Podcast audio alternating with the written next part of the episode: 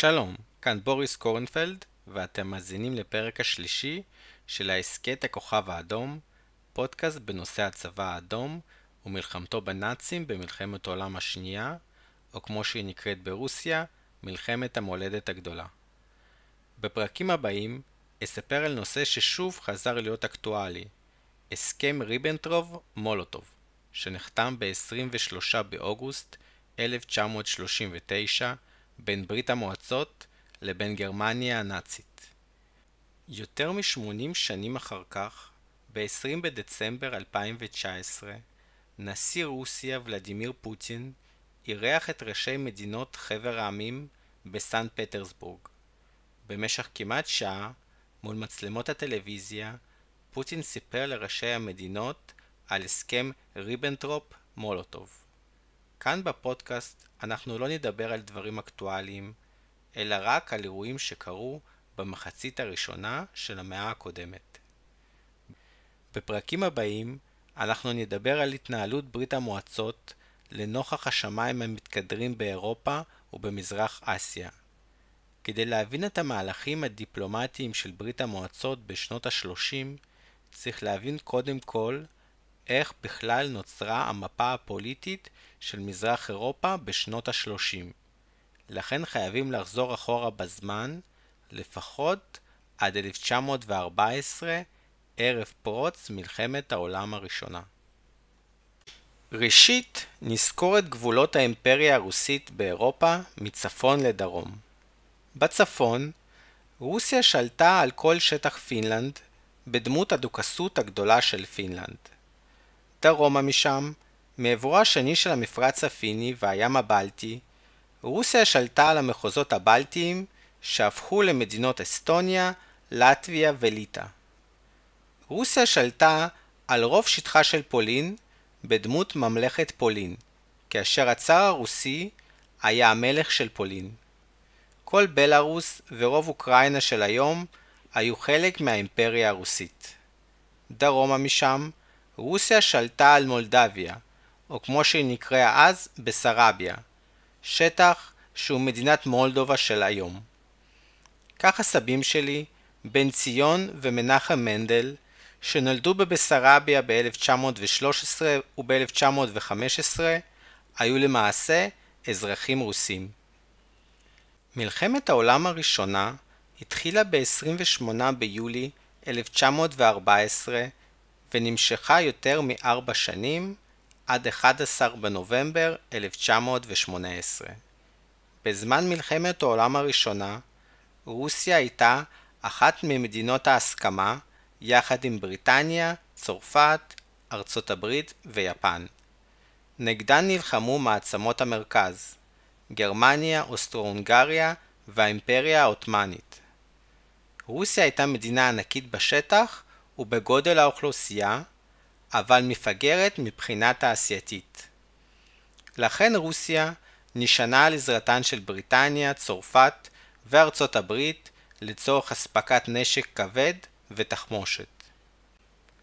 עם תחילת המלחמה שונה שמה של בירת רוסיה סנקט פטרסבורג. כאשר פיוטר הראשון הקים את העיר, ניתן לה שם גרמני לכבוד פטרונו השמימי של הצאר, הקדוש הנוצרי פטרוס. כעת, גרמניה הייתה אויבתה העיקרית של רוסיה, ולכן שם עיר הבירה שונה לשם רוסי, פטרוגרד, עירו של פיוטר הגדול, מקים העיר. בשנת 1914, הכוחות הרוסים פלשו לגרמניה ולאוסטרו-הונגריה. פעולות רוסיה שיבשו את תוכניות הגרמנים למלחמת בזק במערב אירופה. אמנם, הצבא הרוסי הובס בגרמניה, אך הצליח להתקדם באוסטרו-הונגריה וכבש את גליציה ואת בוקובינה מידי האוסטרים.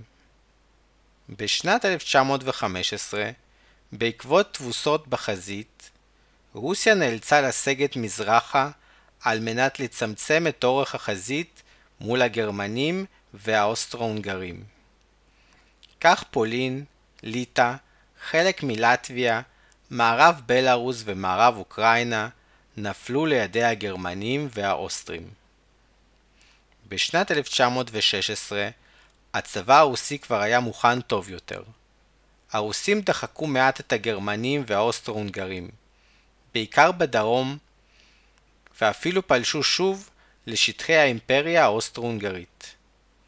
רומניה הצטרפה למלחמה לצידן של מעצמות ההסכמה, אך בעקבות מפלת צבאה, רוסיה נאלצה להכניס את כוחותיה לרומניה כדי למנוע את נפילתה המלאה.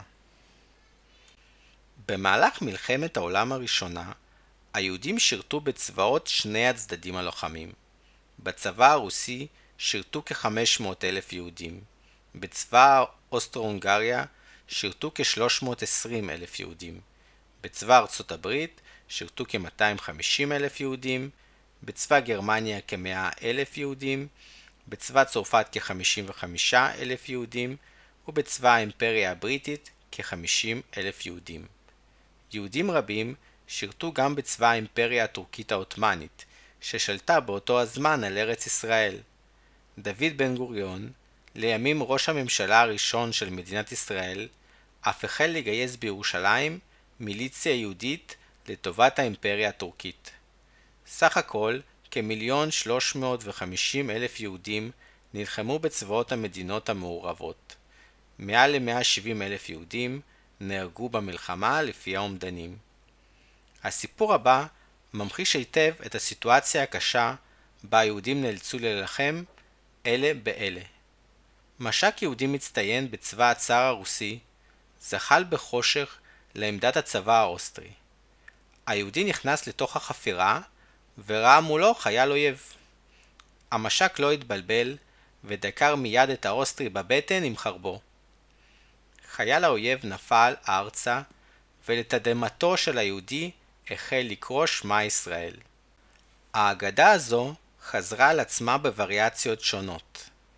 פעם זה היה חייל רוסי, בפעם אחרת חייל גרמני, פעם דקר עם כידון, פעם ירה מקרוב, פעם שמע שמע ישראל, ופעם ראה תפילין נופלים מתיקו.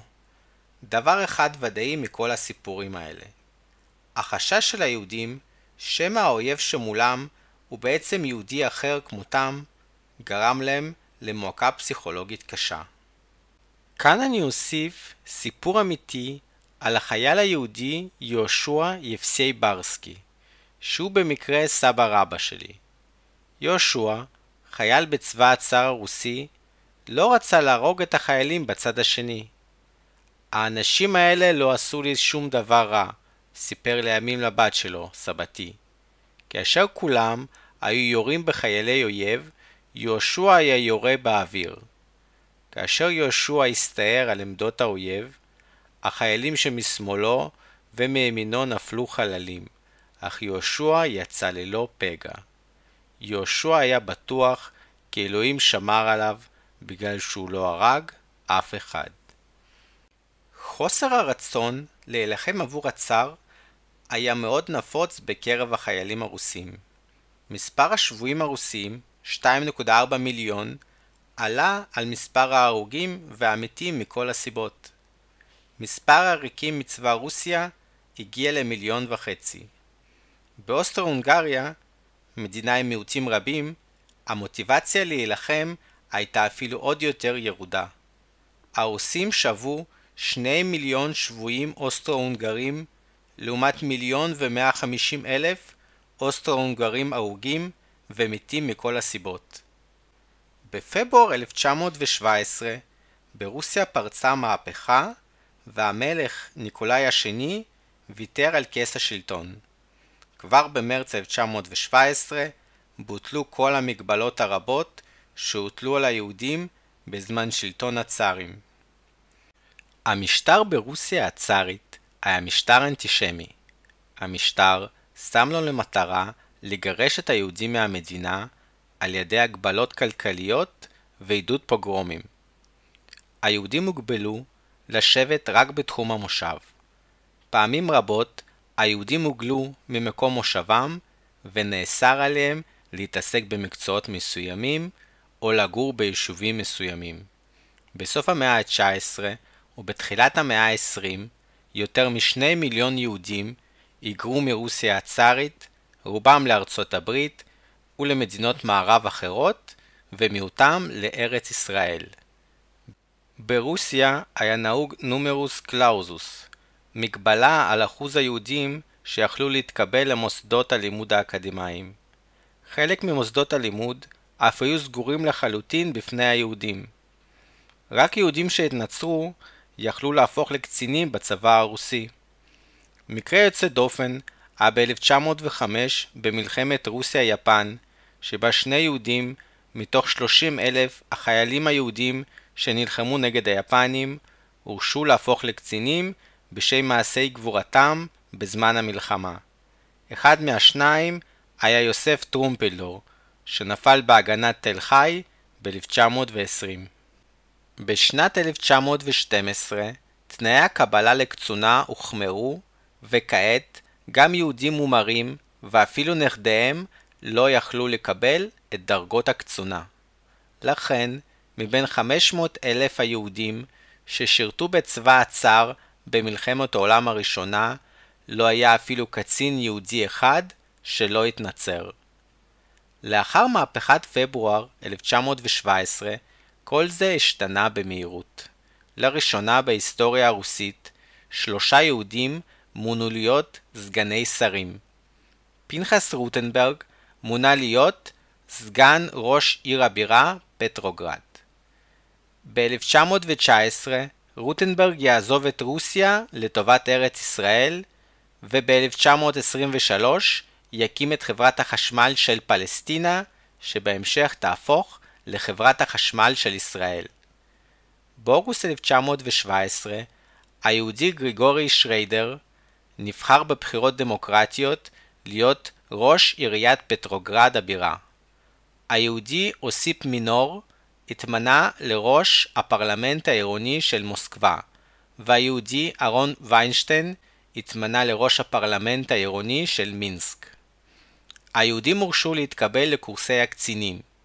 כבר בקיץ 1917, 131 יהודים סיימו קורס קצינים מזורז בבית הספר לקצונה בקייב, ו-160 מש"קים יהודים קיבלו דרגות של קצונה.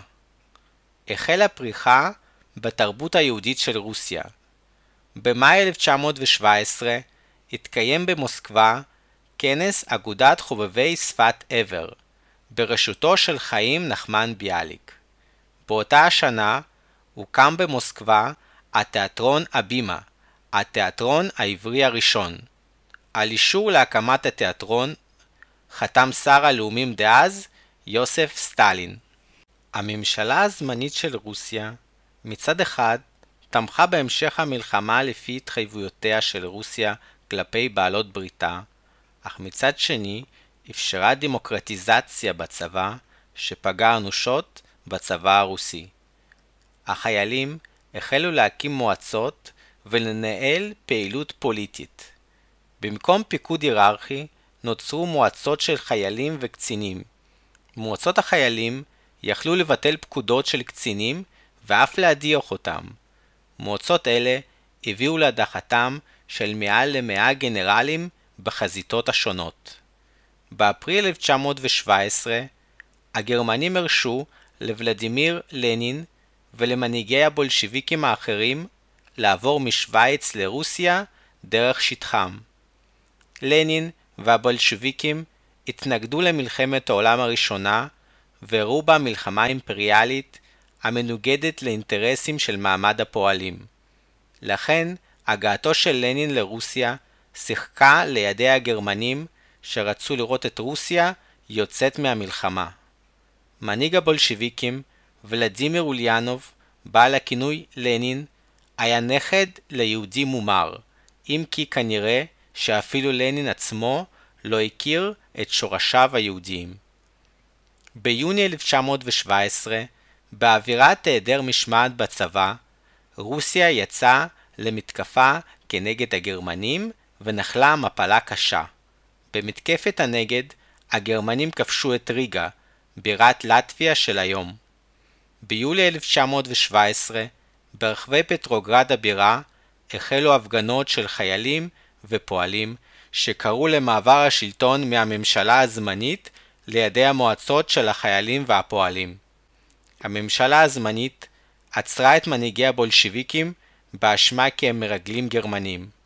לנין עצמו ברח לפינלנד, ואילו טרוצקי נעצר. לב טרוצקי, או בשמו המקורי לייב דוידוביץ' ברונשטיין, היה מהפכן יהודי שזה עתה הצטרף לבולשיביקים.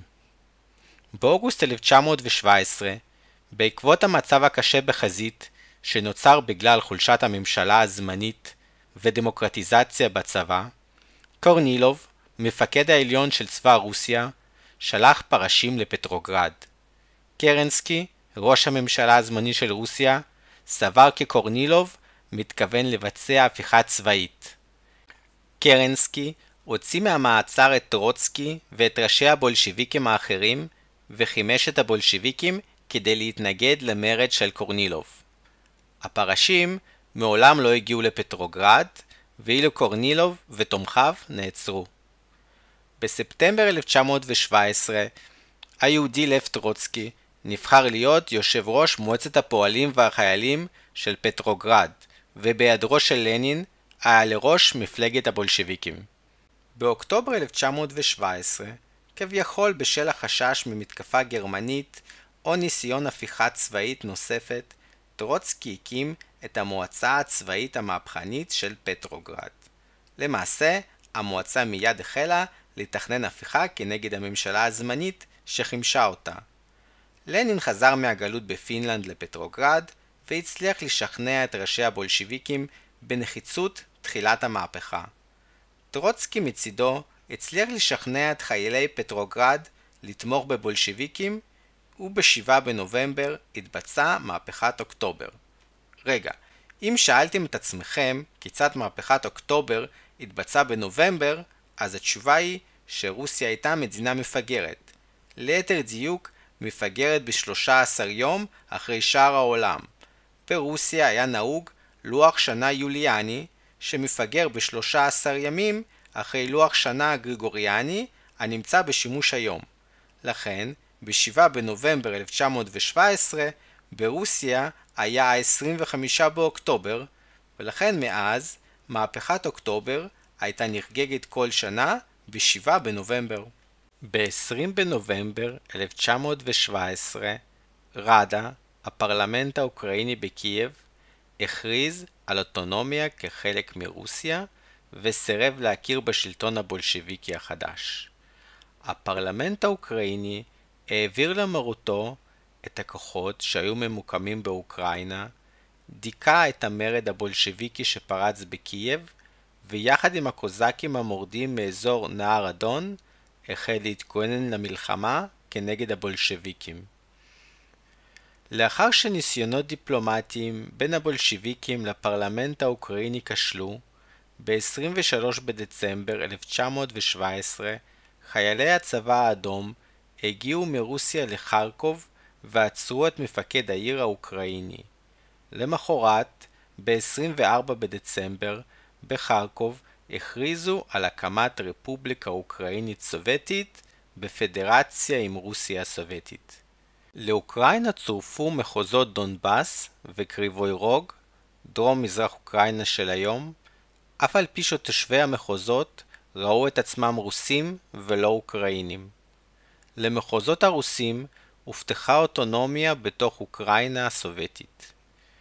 הוספת מחוזות עם רוב רוסי לאוקראינה זרה למעשה את זירי המלחמה שמתנהלת עד היום בין המורדים בדונבאס לבין שלטונות אוקראינה. למעשה, במקור, האזור הזה לא היה רוסי ולא היה אוקראיני.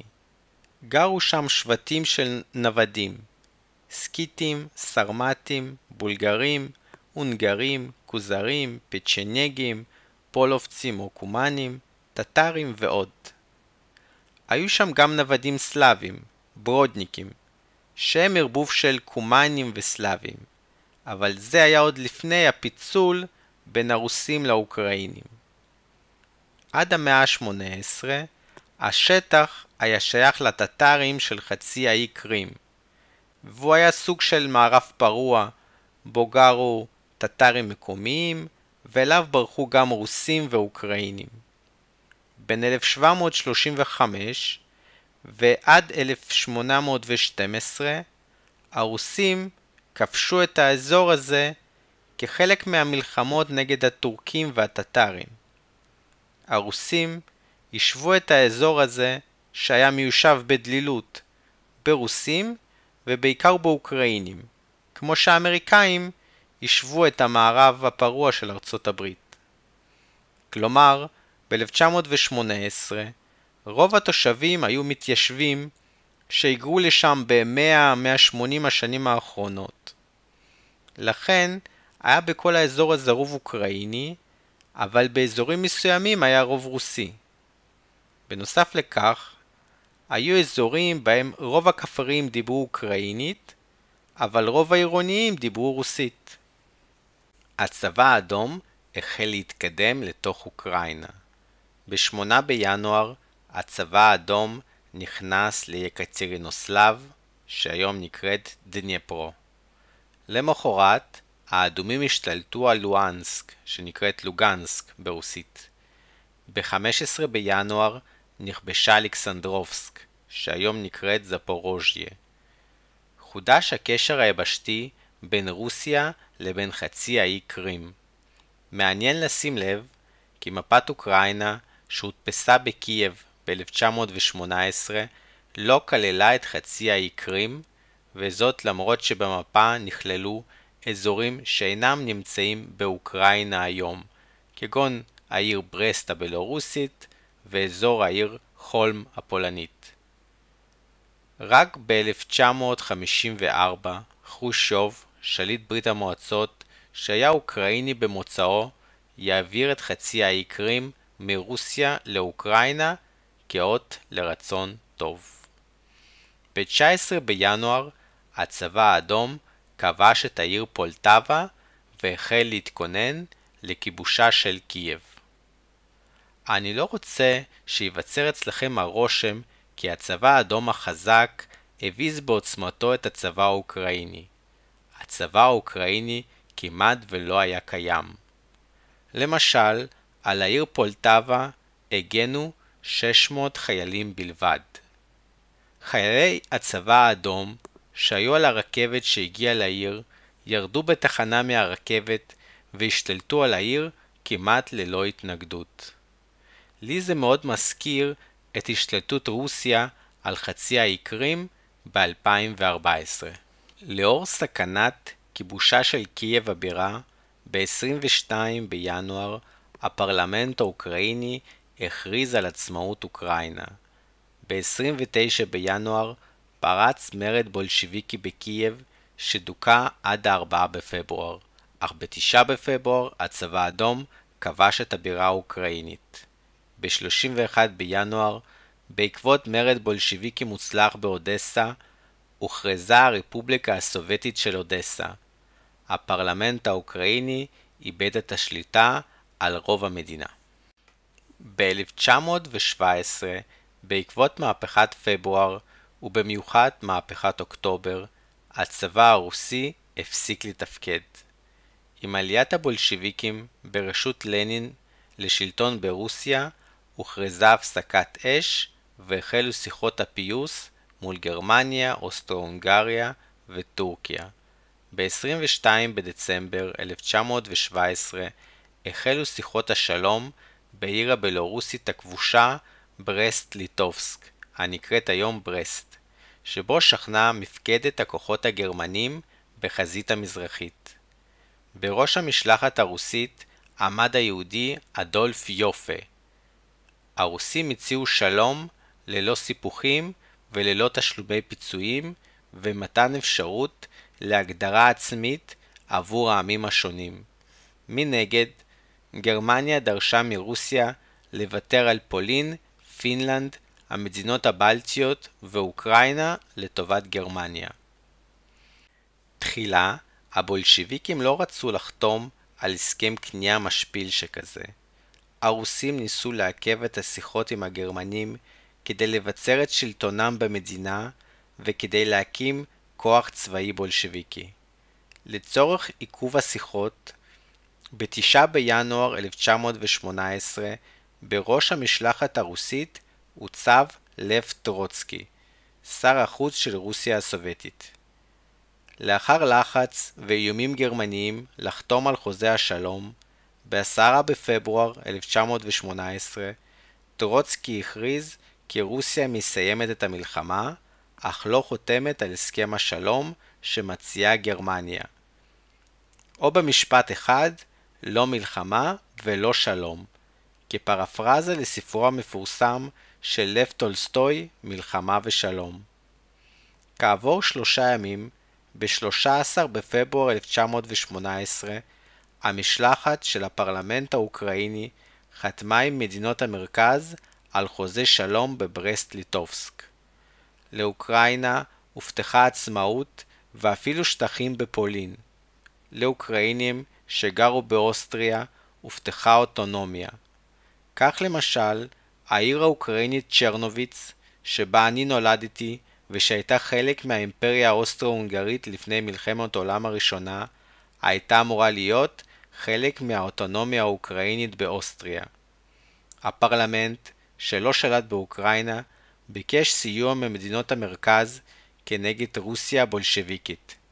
בתמורה, אוקראינה הבטיחה לשלם למדינות המרכז בתוצרת חקלאית ובמשאבי טבע.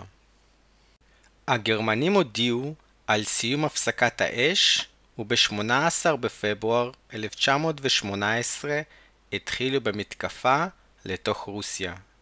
הצבא הגרמני התקדם במהירות וכבש שטחים עצומים בימים בודדים. כוחות החלוץ הגרמניים התקדמו במכוניות וברכבות. במקומות מסוימים, יחידות של גרמנים היו מגיעים ברכבת לתחנה, עוצרים בסביבה את כל הבולשיביקים וממשיכים לתחנת רכבת הבאה. מעניין להשוות את התקדמות הגרמנים ב-1918 להתקדמות הגרמנים ב-1941. מינסק, בירת בלארוס, נכבשה ב-21 בפברואר 1918, שלושה ימים לאחר תחילת המתקפה. ב-1941, מינסק נכבשה ב-28 ביוני, שישה ימים לאחר תחילת המתקפה. רבל, שמה הקודם של טאלין האסטונית, נכבשה ב-25 בפברואר 1918, שבעה ימים לאחר תחילת המתקפה. לעומת זאת, ב-1941, טאלין נכבשה ב-28 באוגוסט, 67 ימים מתחילת המתקפה הגרמנית. קייב נכבשה ב-1 במרץ 1918, 13 ימים מתחילת המתקפה. לעומת זאת, ב-1941 קייב נכבשה ב-19 בספטמבר, 89 ימים לאחר תחילת המתקפה הגרמנית. אין ספק כי ב-1941 קווי הגבול הרחוקים יותר והתנגדות רבה יותר של הצבא האדום עיכבה יותר את הגרמנים המתקדמים. ב-22 בפברואר, שר החוץ של רוסיה הסובייטית, ליאון טרוצקי, התפטר מתפקידו. למחרת, ב-23 בפברואר, לפי המסורת הסובייטית, הוקם הצבא האדום. יוצאי ברית המועצות לשעבר בוודאי זוכרים כי 23 בפברואר היה מאז יום מגן המולדת. ביום זה, הבנות נתנו מתנות לבנים, כאשר שבועיים אחר כך, ב-8 במרץ, יום האישה הבינלאומי, היה תורם של הבנים לקנות מתנות לבנות. צירוף מקרים מעניין לגבי התאריכים האלה הוא העובדה כי ב-23 בפברואר, לפי הספירה הישנה, התרחשה מהפכת פברואר הרוסית, שזה בדיוק ה-8 במרץ לפי הספירה הנוכחית. לצבא האדום לא היה שום סיכוי כנגד הכוחות הגרמנים והם ביקשו לחתום מיד על הסכם השלום. ב-3 במרץ 1918 נחתם הסכם ברסט-ליטובסק. לפי ההסכם, רוסיה ויתרה על פינלנד, אסטוניה, לטביה, ליטא, פולין, אוקראינה וחלקים מבלארוס. הארצות האלה, שהיו כבר תחת הכיבוש הגרמני, היו מיועדות להיות מדינות חסות של גרמניה. רוסיה איבדה שטחים עצומים של מעל למיליון קילומטרים ריבועים, בהם גרו 56 מיליון אנשים, כשליש מאוכלוסיית האימפריה הרוסית. הכיבוש הגרמני-אוסטרי בשטחי רוסיה הצארית לא היה אכזרי כמו במלחמת העולם השנייה. סבתא רבא שלי ברנדל, שזכרה את הכיבוש הגרמני בתקופת מלחמת העולם הראשונה, לא האמינה לתעמולה הסובייטית כנגד הגרמנים. היא סברה כי לא ייתכן שהגרמנים מבצעים את המיוחס להם, מאחר והגרמנים הם אנשים תרבותיים.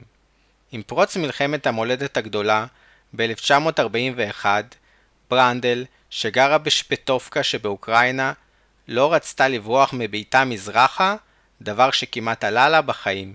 כבר ב-26 בפברואר, כאשר הצבא הגרמני התקדם לכיוון פטרוגרד, הוחלט להעביר את הבירה הרוסית למוסקבה. היה חשש כי הגרמנים יצליחו לכבוש את פטרוגרד. בנוסף לכך, פטרוגרד הייתה מרוחקת רק 35 קילומטר בלבד מהגבול עם פינלנד העוינת, שרוסיה כבר הכירה בעצמאותה.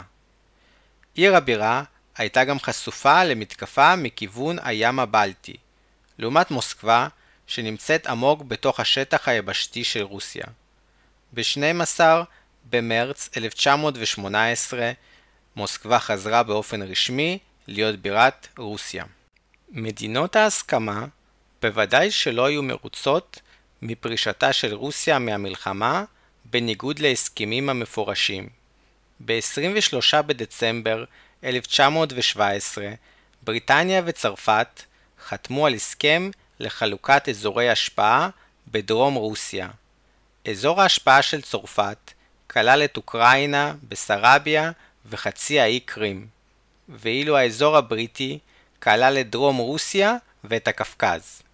בנוסף לכך, הוסכם לתמוך בפינלנד, פולין, אוקראינה, המדינות הבלטיות וכל כוח אחר שרצה להתפצל מרוסיה מבלי להכיר רשמית בעצמאותם. ביולי 1918 נוצרה עילה עבור מדינות ההסכמה לפלישה לרוסיה הסובייטית. במהלך מלחמת העולם הראשונה, שבויים צ'כים וסלובקים שוחררו מהשבי הרוסי על מנת להקים כוח צבאי שיילחם נגד האוסטרים למען עצמאות צ'כוסלובקיה. בספטמבר 1917 הוקם הקורפוס הצ'כוסלובקי שהוכפף לצבא הצרפתי ובראשו הוצבו גנרלים רוסים. עם הפלישה הגרמנית לרוסיה, בפברואר 1918, הקורפוס עזר לכוחות הבולשיביקים כנגד הגרמנים. לאחר חתימת הסכם ברסט-ליטובסק, הוחלט להעביר את הצ'כוסלובקים ברכבות לוולדיווסטוק שבמזרח רוסיה, על מנת שהם יוכלו להצטרף שם לכוחות בעלות הברית. תחת לחץ גרמני, הרוסים עצרו את מעבר הכוחות מזרחה. הצ'כוסלובקים היו בטוחים שהרוסים יסגירו אותם לגרמנים ופתחו במרד כנגד הבולשביקים. הקורפוס הצ'כוסלובקי השתלט על מסילת הברזל הטרנס-סיבירית וכבש את העיר ולדיווסטוק, בסיוע של כוחות מדינות ההסכמה. לאחר כיבוש ולדיווסטוק, ארצות הברית הכריזה כי כוחותיה באו לרוסיה כדי להציל את הצ'כוסלובקים מידי השבויים הגרמנים והאוסטרים המשוחררים והחמושים. הבריטים והצרפתים מצידם הכריזו כי הם באו לרוסיה על מנת להציל אותה מהכובשים הגרמנים. באוגוסט 1918 שוב נוצרה מתיחות בין רוסיה וגרמניה בעקבות רצח השגריר הגרמני ורצח של מפקד כוחות הכיבוש הגרמני בקייב על ידי מורדים רוסים שלא קיבלו את הכניעה הרוסית בהסכם ברסט-ליטובסק. ב-27 באוגוסט, אדולף יופה היהודי, שהחל את השיחות ברסט-ליטובסק וכעת היה השגריר הרוסי בגרמניה, חתם עם הגרמנים על הסכם סודי נוסף. רוסיה הוכרחה לשלם לגרמנים 6 מיליארד מרק בשווי של כ-450 טון זהב. בתמורה, הגרמנים פינו אזורים מסוימים ברוסיה והכירו באזור בקו האזרי כשטח רוסי, בתמורה לרבע מהנפט באזור. בפועל, הרוסים שלחו לגרמנים רק שתי רכבות עם 93 טון זהב. הזהב הזה הגיע בסופו של דבר לצרפת כפיצויי מלחמה. ב-11 בנובמבר 1918, בעקבות תבוסתה של גרמניה במלחמת העולם הראשונה, מדינות ההסכמה אילצו את גרמניה לבטל את הסכם ברסט-ליטובסק ולהשיג את כוחותיה כדי לאפשר עצמאות לפינלנד, אסטוניה, לטביה, ליטא, אוקראינה ופולין. עקב כך, ב-13 בנובמבר 1918 רוסיה הסובייטית ביטלה את הסכם ברסט-ליטובסק. בריטניה וצרפת שלחו את כוחותיהם לרוסיה על מנת להחליף את הכוחות הגרמנים הנסוגים. הבריטים והצרפתים הצהירו כי הם באים לשמור על הסדר ולהילחם בבולשביקים שתפסו בכוח את השלטון ברוסיה. בין 1918 לבין 1922, ברחבי האימפריה הרוסית לשעבר, התחוללה מלחמת אזרחים עקובה מדם. גבולותיה של ברית המועצות עם שכנותיה נקבעו למעשה על סמך האירועים המלחמתיים הללו. ב-8 באפריל 1918, ליאון טרוצקי מונה לעמוד בראש הצבא האדום כשר הביטחון.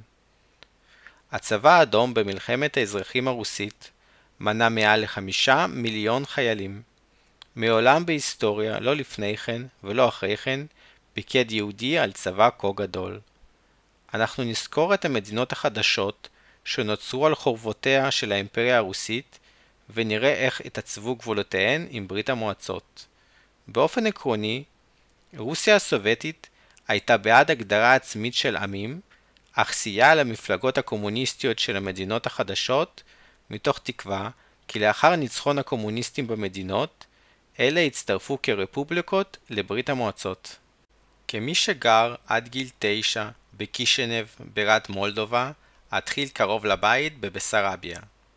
ב-7 בדצמבר 1917, בפקודת המפקד הרוסי של החזית הרומנית, כוחות רומנים פלשו לבסרביה, לכאורה לצורך רכישת מזון. הכוחות הבולשביקים הקימו מערכי הגנה מול הכוחות הרומנים והשתלטו על תחנת הרכבת אונגני, על הדרך שבין יאסי הרומנית לבין קישנב. כ-20 קילומטר משם, על הדרך שבין קישנב לאונגני, בעיירה קרניאשטי, גר סבא שלי מנחם מנדל. ב-15 בדצמבר 1917, הפרלמנט המולדבי הכריז על הקמת הרפובליקה המולדבית. ב-28 בדצמבר, הפרלמנט המולדבי הזמין את הכוחות הרומנים למולדובה על מנת לשמור על הסדר. בתחילת ינואר, הרומנים כבשו את אונגני ועוד מספר ערי בסרביה מידי הבולשביקים, וב-13 בינואר כבשו את קישנב הבירה, בה גר באותו הזמן סבא שלי בן ציון. ב-24 בינואר, הפרלמנט המולדבי הכריז על עצמאות המדינה.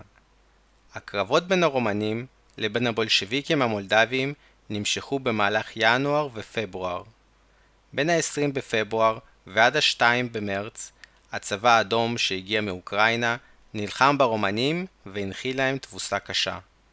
הצבא הרומני נכשל בכיבוש טרנסניסטריה, ובסיוע מדינות ההסכמה, רוסיה ורומניה הגיעו להסכם על סיום הסכסוך. לפי ההסכם, רומניה התחייבה לסגת מבסרביה תוך חודשיים. מאחר וגרמניה ואוסטריה פלשו לרוסיה הסובייטית, הצבא האדום נאלץ לסגת מאזור אודסה, הסמוך לבסרביה, אל עבר חצי האי קרים. הרומנים ניצלו את הנסיגה הסובייטית ולא עמדו בהסכם. בנובמבר 1918, לאחר פירוק האימפריה האוסטרו-הונגרית, בוקובינה ובירתה הצפונית צ'רנוביץ, העיר שבה נולדתי, היו אמורים להצטרף לאוקראינה. הרומנים של בוקובינה ביקשו סיוע צבאי מרומניה, וב-24 בנובמבר 1918 הצבא הרומני כבש את צ'רנוביץ.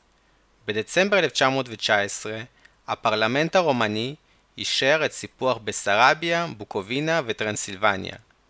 לאחר הסיפוח, הסבים שלי, בן ציון בן השש ומנחם מנדל בן הארבע, הפכו להיות אזרחים רומנים.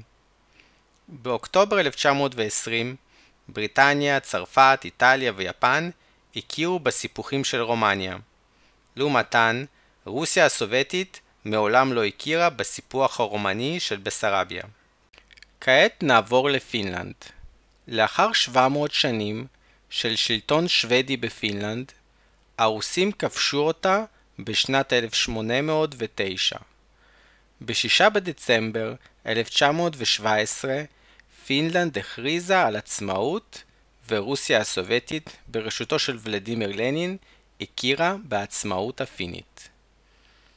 בסוף ינואר 1918 פרצה מלחמת אזרחים בפינלנד בין הפינים האדומים לבין הפינים הלבנים. האדומים, כלומר הצבא האדום, היו בעיקר איכרים ופועלים עניים. אלה רצו ליצור בפינלנד מהפכה קומוניסטית בדומה למה שקרה ברוסיה. הלבנים, כלומר הצבא הלבן, נשענו בעיקר על האליטות, על הבורגנים ועל האיכרים העמידים. האדומים שלטו בדרום פינלנד, כולל באלסינקי, על כשני שלישים מהאוכלוסייה. הלבנים שלטו על רוב השטח וקבעו את בירתם בוואסה, לאחר נפילת אלסינקי לידי הצבא האדום. בראש הלבנים הפינים עמד גנרל הצבא הרוסי לשעבר קארל גוסטף מנרהיים. מנרהיים עתיד להיות ראש הצבא הפיני גם בזמן מלחמת העולם השנייה. לפי הסכם ברסט-ליטובסק מה-3 במרץ 1918, רוסיה ויתרה על פינלנד ונאלצה בהתאם להסכם להסיג את כוחותיה מפינלנד. גרמניה, שרצתה את פינלנד כמדינת חסות גרמנית, שלחה לפינלנד כ-15 אלף חיילים גרמניים, בנוסף לגדוד היגרים הפיני, שהורכב מכ-1300 פינים, שלחמו במסגרת הצבא הגרמני כנגד רוסיה. בנוסף לכך, כאלפיים מתנדבים שוודים הגיעו לפינלנד להילחם לטובת הלבנים. כבר במרץ 1918 הפינים הלבנים פלשו לקרליה הרוסית.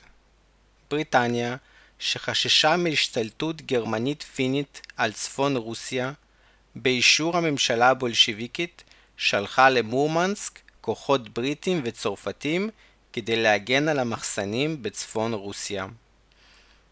עם הגעת הכוחות הגרמנים הסדירים לפינלנד, בתחילת אפריל 1918, הקומוניסטים הפינים נסוגו לכיוון ברית המועצות. ב-12 באפריל, הגרמנים כבשו בקלות את אלסינקי. ב-26 באפריל, ראשי הצבא האדום הפיני ברחו לברית המועצות, ומלחמת האזרחים הפינית למעשה הסתיימה. הפינים הלבנים איבדו כשלוש וחצי אלף הרוגים ונעדרים. עוד כ-1500 לבנים הוצאו להורג על ידי האדומים, בנוסף לארבעה שמתו בשבי האדומים מסיבות אחרות. הפינים האדומים לעומת זאת איבדו מעל ל-7,000 הרוגים ונעדרים. בין 7,000 ל-10,000 אדומים הוצאו להורג על ידי הלבנים, ועוד בין 11 ל-13 וחצי אלף אדומים מתו בשבי.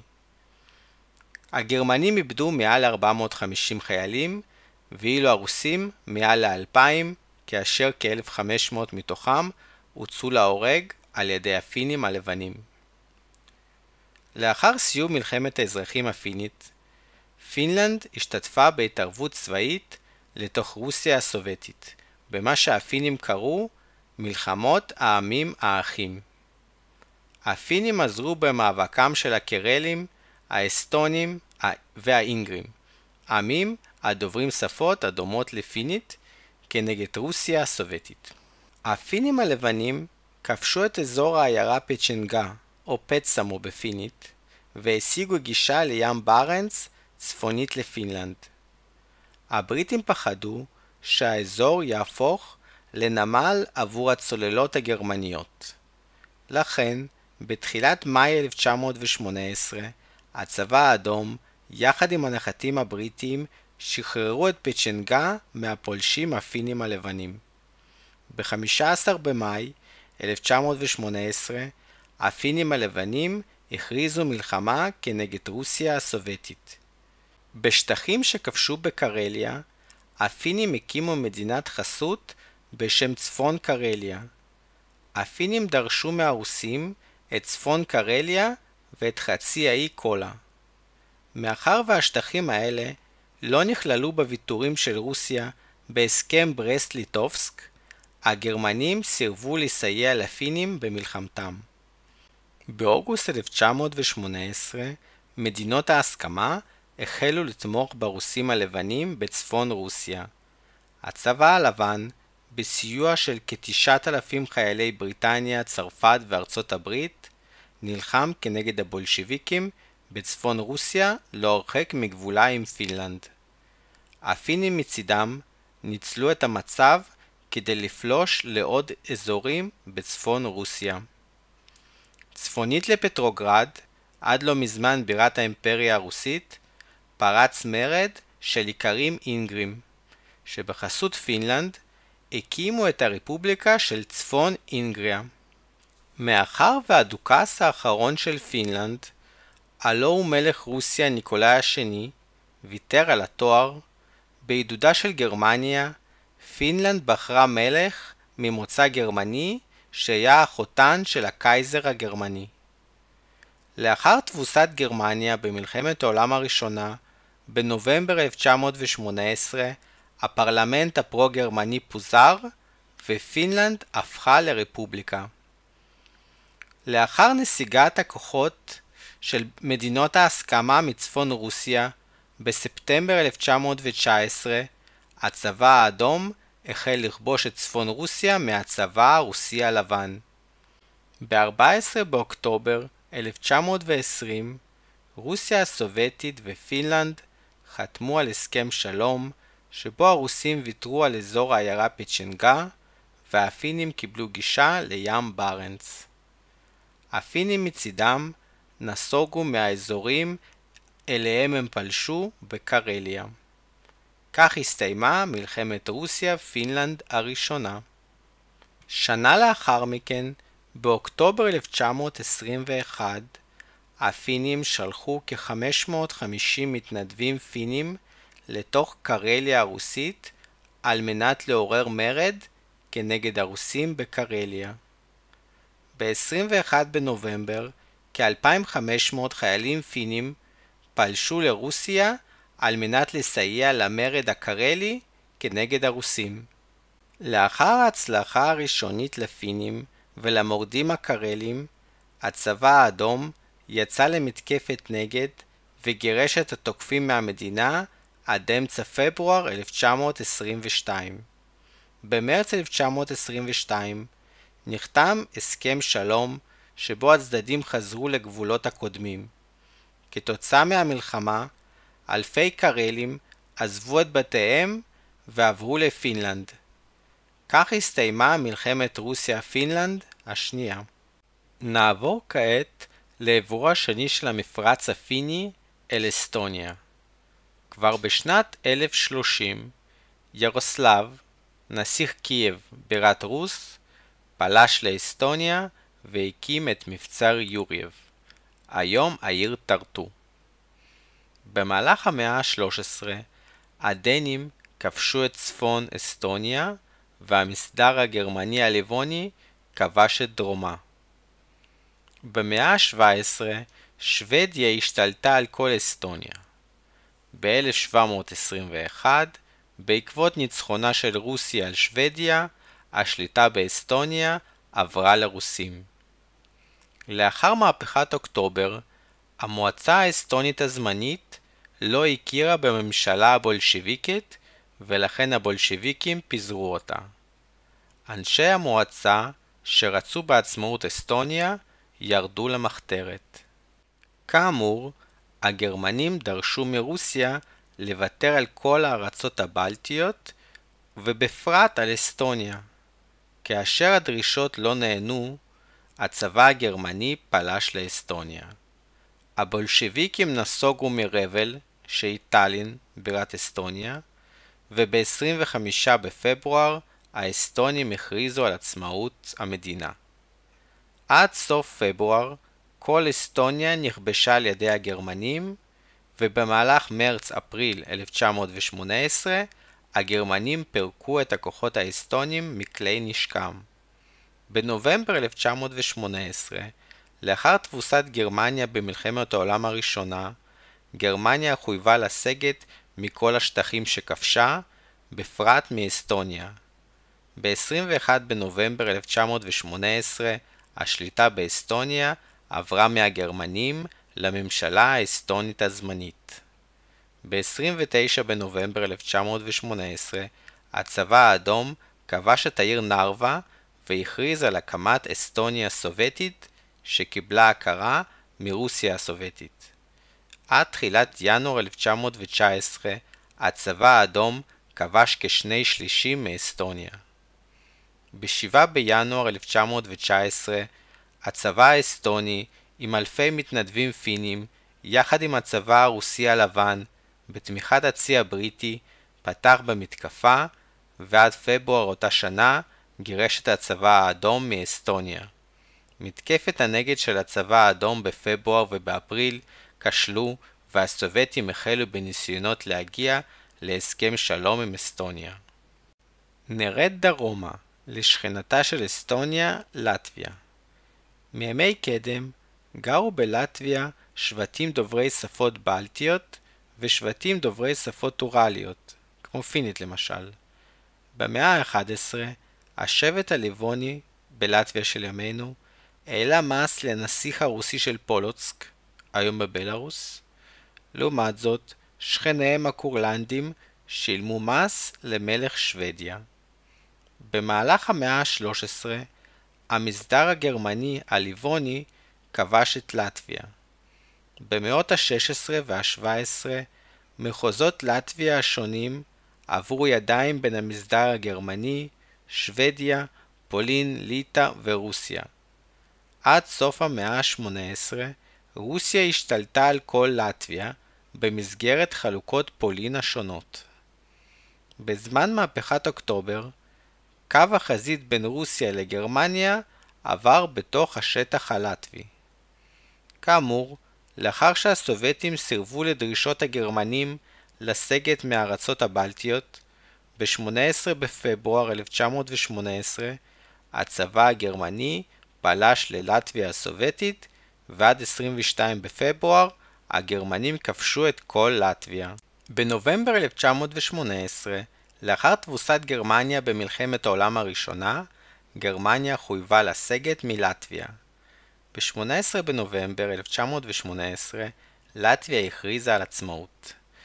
ב-26 בנובמבר השליטה בלטביה עברה מהגרמנים לממשלה הלטבית הזמנית. במקביל, בריגה, נערכה פגישה סודית של ראשי המפלגה הסוציאל דמוקרטית הלטבית, כך קראו לעצמם הקומוניסטים הלטביים. הקומוניסטים החליטו לפתוח במרד נגד הממשלה הזמנית וכנגד הכוחות הזרים במדינה. החל מסוף נובמבר, הצבא האדום התקדם לתוך הארצות הבלטיות בעקבות הגרמנים הנסוגים. עד תחילת ינואר 1919, הצבא האדום כבש חלקים גדולים מלטביה. ב-4 בינואר, הצבא האדום כבש את ריגה, בירת לטביה, והכריז על הקמת הצבא של לטביה הסובייטית, אליו התגייסו לטבים רבים. ב-13 בינואר 1918 הסובייטים הכריזו על הקמת הרפובליקה הסובייטית של לטביה. בעקבות זרם הפליטים מהמחוזות שנכבשו על ידי הצבא האדום, הגרמנים החליטו לעצור את נסיגתם בתוך לטביה. בהסכמת ממשלת לטביה, הוחלט להקים את הלנדסוור, מיליציה שהורכבה ברובה מגרמנים אתניים תושבי לטביה. בנוסף לכך, הוקמה דיוויזיית הברזל מחיילים גרמנים להם הובטחה תושבות לטבית ואדמות במדינה החדשה. בלטביה, בה לקומוניסטים הייתה תמיכה רחבה יותר בקרב העם, שלטו יחידות הרובעים הלטביים האדומים על רוב המדינה, פרט לאזור העיר ליפאיה, במערב המדינה, אותו החזיקו יחידות הלנסוור של הגרמנים הבלטים ודיוויזיית הברזל הגרמנית. בפברואר, לעזרת הלנסוור ודיוויזיית הברזל, הגיעה מגרמניה דיוויזיה נוספת, והגרמנים החלו לדחוק את הצבא האדום של לטביה. לקראת סוף מרץ, הצבא הלטבי-גרמני הגיע לפאתי בירת לטביה ריגה. הממשלה הלטבית העצמאית התכוונה להעלים את האדמות מבעלי האדמות הגרמנים ולחלק אותן לאיכרים הלטבים. הגרמנים פחדו כי הלטבים יעזרו בהם למלחמה כנגד הצבא האדום, ולאחר סיום המלחמה יפרו את ההבטחות, ואולי אף יגרשו אותם מהמדינה. לכן, ב-16 באפריל, כוחות הלנסוור הגרמנים ביצעו הפיכה בעיר ליפאיה והקימו ממשלה פרו-גרמנית בלטביה. ממשלת לטביה ברחה בספינה אסטונית תחת הבטחה של ספינות בריטיות וצרפתיות. למעשה כעת היו שלוש ממשלות בלטביה ממשלה קומוניסטית פרו-רוסית במזרח, ממשלה פרו-גרמנית במערב וממשלה עצמאית על אונייה בים הבלטי. הממשלה העצמאית נתמכה על ידי אסטוניה שהקימה בדרום אסטוניה חטיבה צבאית של צפון לטביה. ב-25 באפריל, בלטביה הקומוניסטית, הכריזו כי כל הגרמנים הבלטים יגורשו מהמדינה, ובינתיים עצרו את הגרמנים המקומיים. לאנשי הלנסוור היו קרובים רבים בחלק הסובייטי של לטביה, והם החליטו לפעול מהר.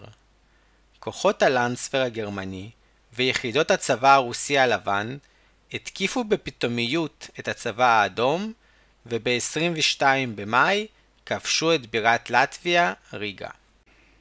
כעת נדבר על ליטא, שכנתה הדרומית של לטביה. בשנת 1251 השבטים הליטאים התאחדו והקימו את הנסיכות הגדולה של ליטא. הנסיכות הליטאית גדלה מאוד על חשבון השטחים של בלארוס ומערב אוקראינה, והתפרסה מהים הבלטי ועד הים השחור במאה ה-15. השפה הרוסית המערבית, שממנה התפתחה השפה הבלארוסית, הייתה השפה הרשמית בנסיכות, ולמעשה לא הייתה שום כתיבה בשפה הליטאית עד למאה ה-16. החל מ-1385 ליטא הייתה מאוחדת עם פולין, ולרוב הן נשלטו על ידי אותו שליט.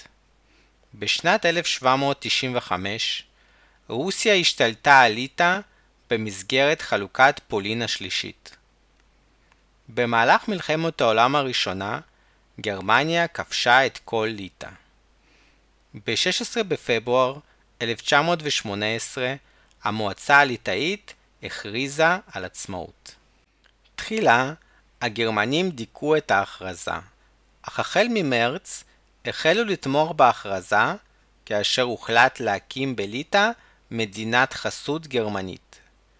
מלבד ההכרזה על העצמאות, הגרמנים לא אפשרו לליטאים להקים צבא, משטרה או כל מוסד לאומי אחר. לאחר תבוסת גרמניה במלחמת העולם הראשונה, גרמניה חויבה לסגת מליטא. ב-11 בנובמבר 1918 הליטאים החלו להקים ממשלה עצמאית. ליטא, שהייתה חסרה כוחות צבאיים, ביקשה עזרה מהגרמנים.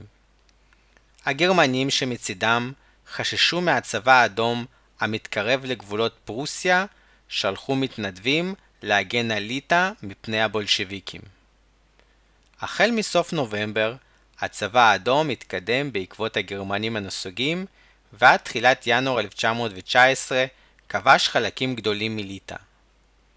לאחר שהרוסים כבשו את וילנה, הבירה הליטאית לעתיד מהפולנים, ב-6 בינואר, ב-7 בפברואר 1919 הם החלו בניסיון לקטר את הבירה הליטאית הזמנית קובנה, או קאונס בליטאית. לאחר כמה ימים של קרבות, המתקפה של הצבא האדום נכשלה. בסוף פברואר, הצבא הליטאי-גרמני פתח במתקפה משלו והחל לשחרר את שטחי ליטא מהבולשביקים. ביוני, הגרמנים הפסיקו לסייע לליטאים וקו החזית בין רוסיה לליטא התייצב. באוגוסט 1919, הליטאים והפולנים, למרות חילוקי הדעות ביניהם בנוגע לעתידה של העיר וילנה, החלו לשתף פעולה וכבשו מידי הצבא האדום את כל שטחי ליטא. המלחמה בין ליטא ורוסיה הסובייטית למעשה הסתיימה. כאן אנחנו מסיימים את הפרק, ואתם מוזמנים לשמוע את המשך הסיפור על מלחמת האזרחים ברוסיה ועל יצירת גבולות ברית המועצות באירופה בפרק הבא.